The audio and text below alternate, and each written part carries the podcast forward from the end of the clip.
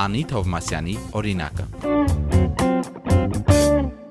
Գիտելիքը ուժ չէ, դա ես միշտ եմ ասում։ Մենակ իր առած գիտելիքն է ուժ։ Դա պետքա ցանկացած մարդ իր կյանքում հասկանա, որտեղ պետք չի դու լիքը բան իմանաս գլխիդ մեջ, եթե դու չես օգտագործելու, կամ չգիտես ինչ անես դրանով։ Ու եղած անսահմանափակ է էլի մեր կապացիտետները, որ կարանք լցնենք։ Բայց չի նշանակում էլի, որ պետքա հիմարությամբ լցնենք կամ լցնենք այն բաները, որ մոտակա մի քանի ամիսների, տարիների ընթացքում չեն կարա կիրառենք, որովհետև մենք էլ մարդ ենք էլի, ավելևը պրակտիկ ապրենք։ Ես սիրում եմ այդ պրակտիկությունը Նոր գաղափարներ, մոտիվացնող ծրագրեր ու ճամփորդություններ։ 19-ամյա Անի Թովմասյանը ոչ ֆորմալ կրթական ոլորտում ակտիվ գործունեություն է վարում։ Տարբեր թեմաներով առցանց դասընթացներ անցկացնում, ունի կամավորների մեծ թիմ։ Անին ծնվել է Նոր Հաչնում, բայց մի քանի տարի է ինչ ընտանիքի հետ ապրում է Գերմանիայում, սովորել է ավագ դպրոցում, ունի դեռահասների եւ երիտասարդների առաջնորդի սերտիֆիկատ։ Թեև ապրում է Գերմանիայում, բայց միշտ կապը պահում է հայրենիքի հետ։ Արցանց ձևաչափով կրթական դասընթացներ է անցկացնում, վեբինարներ վարում ժամանակի կառավարման, ֆինանսական գրագիտության եւ այլ թեմաներով։ Ասում է, արցանց ձևաչափը հնարավորություն է տալիս Հայաստանի տարբեր անկյուններում ապրող պատանիներին միանալ դասընթացներին։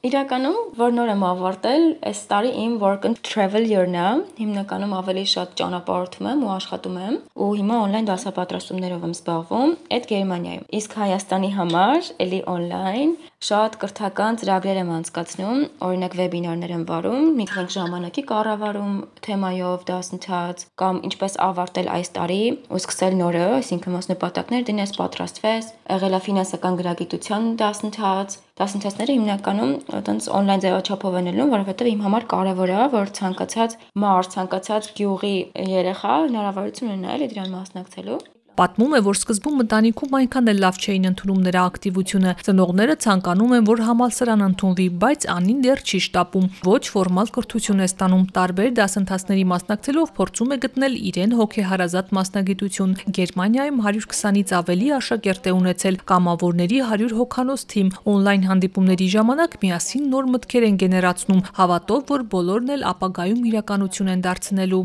Անին պատմում է, որ հաճախ էին պատանիներն ու երիտասարդները իրենց պատմություններով, մտքերով կիսվում իր հետ։ Անկամ շատերը մտածում էին, թե հոգեբան է, բայց նա չէր հասցնում բոլոր նամակներին պատասխանել։ Այդ ժամանակ որոշեց Extra Smart Planner ստեղծել։ Ավարտական քննությունների ժամանակ իմ կյանքի գլուխգործոցն եմ ստեղծել, դարձել քա կյանքի հերոսը կարգախոսով Extra Smart Planner-ը բավականին հագեցած ինֆորմացիայով գրքույկ է։ Իր մեջ էլի այն թեմաներն են, որոնք որ ես տիրապետում եմ, մի քանի թեմա ավել, օրինակ ինչպես հասկանալ սեփական եսը, ինչպես դժվար ժամանակ ժամանակները հաղթահարել, առողջության հետ ինչ ձև վերաբերվել, ինչ ուտել, ինչ չուտել, քաշ հավաքելու դեպքում ինչ անել կամ նվազեցնելու դեպքում ինչ անել ու բավականին երկար ուսումնասիրությունների արդյունքում եմ հակիրճ կարողացել ձևակերպել ու այդ 184 էջի մեջ սեղմել։ Հիմա դրա վաճառքով ենք իրականում զբաղվում Հայաստանում։ 25 հոգանոց կամավորների թիմ ունեմ, ովքեր էլի պլաների շուրջ սոշիալ մեդիայում աշխատանքներ են տանում, էլի մարզերից երիտասարդներ են,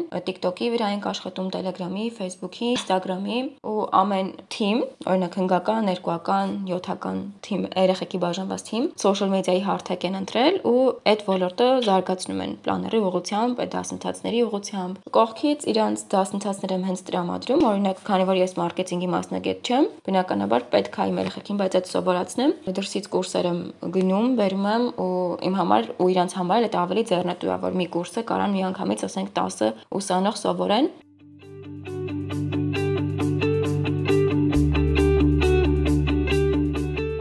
Անին վստահ է Extra Smart Planner-ը կարող է օգնել այն մարդկանց, որոնք ցանկանում են փոփոխություններ մտցնել իրենց կյանքում։ Ամիսներ առաջ Երևանում տեղի ունեցավ գրքի շնորհանդեսը։ Այն վաճառվում է տարբեր գրախանութներում եւ on-line։ Ասում է Հայաստանում պլաներներն այնքան էլ տարածված չեն, բայց համբերատար անցնում է այս դժվար փուլը։ Դրա համար հատուկ Գերմանիայից որ ավարտեցի ու միանգամից առաջի շաբաթվա մեջ եկա Հայաստան, շնորհանդեսը կազմակերպեցինք ու ամենահավեսն այն է, որ նախավաճառքի փուլում, քանի որ ես նաև ես ամեն ինչի հետ համատեղ բլոգեր եմ, ինֆլուենսեր եմ, Instagram-ում, TikTok-ում բավականին ակտիվ կրթական կոնտենտ եմ տալիս, այդտեղ արդեն ցած մի քիչ շուխուր էր էլի տարածվել, որ անին հեսա գիրք ա գրում կամ ինչ որ հավես աշխատանքային բաներ ա ստեղծում, շատ մեթոդիկաներ, գործիքներ ա տալիս ու հետաքրությունը մեծ էր։ Մենակ նախավաճառքի փուլում մարդիկ առանց իմանալու այդ ինչ ա, ինչ ձև ալնելու, արդեն 100 գրանցված հետաքրքրված գնորդներ ունեինք էլի, որ արդեն վճարել էին ու սպասում են իրենց պլաներներին։ Ու իրականում սկզբում շատ ողջավորված էի ամեն ինչի համար, նվերներ էի դնում իր հետ, էկոգրիչ, ստիկերներ, տենց բաներ ունեն կողքից իր հետ։ Ու հիմա սենց արդեն կամած կամած վաճառ վաճառքները գնում են։ Իր դժվարությունն է, կարամ անկեղծ կիսվեմ,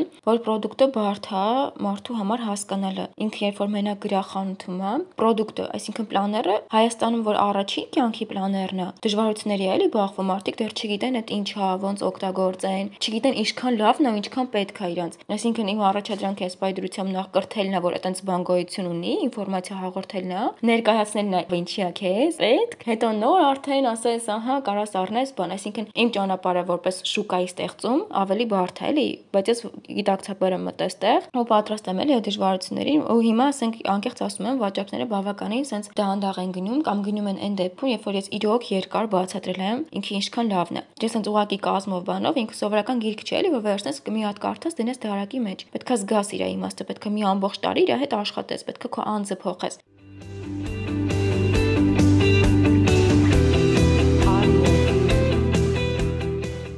Հիմա կայք են պատրաստում, որտեղ կլինեն կրթական տարբեր դասընթացներ, վիդեոկուրսեր, ֆինանսական գրագիտության մասին, որն անինչի անցկացնելու։ Այժմ սովորում է եւ շուտով կստանա սերտիֆիկատ, որով ինքն էլ կկարողանա անցկացնել ֆինանսական գրագիտության դասեր։ Այս բայդրությամբ մեր կայքն ենք սարքում, մարդիկ կան հենց կայքն են մշակում, ինչը լինի որտեղ, ինչ տեքստեր։ Հենց էքստրանի անթա կոչվում կայքը, այդ լինելու է մեր կրթական հաստատության ակադեմիայի հիմնական կայքը, այսինքն համ լինելու է մեր կրթական ապրանքները, պլաները ու դուրս է գալի նաև բիզնես պլաները այն մարդկանց համար, ովքեր ուզում են իրենց սեփական գործը հիմնեն, ձեռներեցություն սկսեն, ու նաև լինելու են արդեն վիդեո կուրսեր, ասենց բավականին հագեցած, պատկերացրեք, ասենք ասենց 30 դասընթաց, ամեն մեկը մի 40 րոպե, մենակ ֆինանսական գրագիտության մասին։ Այսինքն որ դու ասենց մի հատ առնես ու ասենց լիքը դուրս գաս, էլի, որտեղ տենց բան չկա Հայաստանում։ Իրոք կա շուկայի ծակ են ասում գերմաներեն, էլի, այդ փոսը բաց թողումը կա։ Դասընթացներ կան, որ օրինակի համար ֆինանսական գրագիտության դասընթացը անկեղծ ես չեմ անցկացրել, մասնագետ եմ բերել, որտեղ ինձ դեռևս չեմ համարում։